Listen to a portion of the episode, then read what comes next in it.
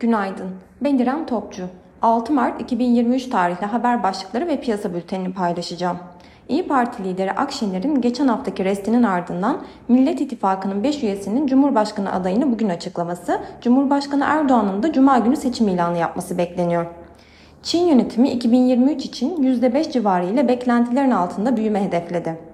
FED'de daha uzun süre daha yüksek faiz savunan üyelerin sayısı artarken bu hafta gözler Başkan Powell'ın kongre sunumlarında olacak. ECB Başkanı Lagarde bu ayki toplantı için 50 baz puanlık faiz artışına işaret etti.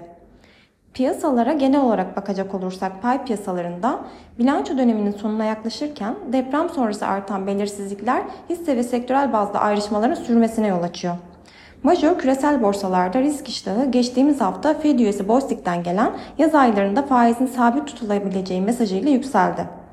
Yurt dışı borsalarda risk iştahının açıklanacak veriler ve olası Merkez Bankası üyeleri açıklamaları şekilleneceğini düşünüyoruz.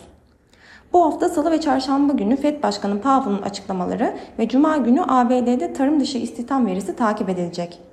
Bu sabah ABD vadeleri ve Alman DAX vadelisi yataya yakın bir seyir izlerken Asya endekslerinde ağırlıklı olarak pozitif eğilim izleniyor. Teknik analiz verilerine bakacak olursak gün içinde 5175 ve altına gerileme alım fırsatı, 5320 ve üzerine düşük hacimli yükseliş ise satış fırsatı olarak takip edilebilir.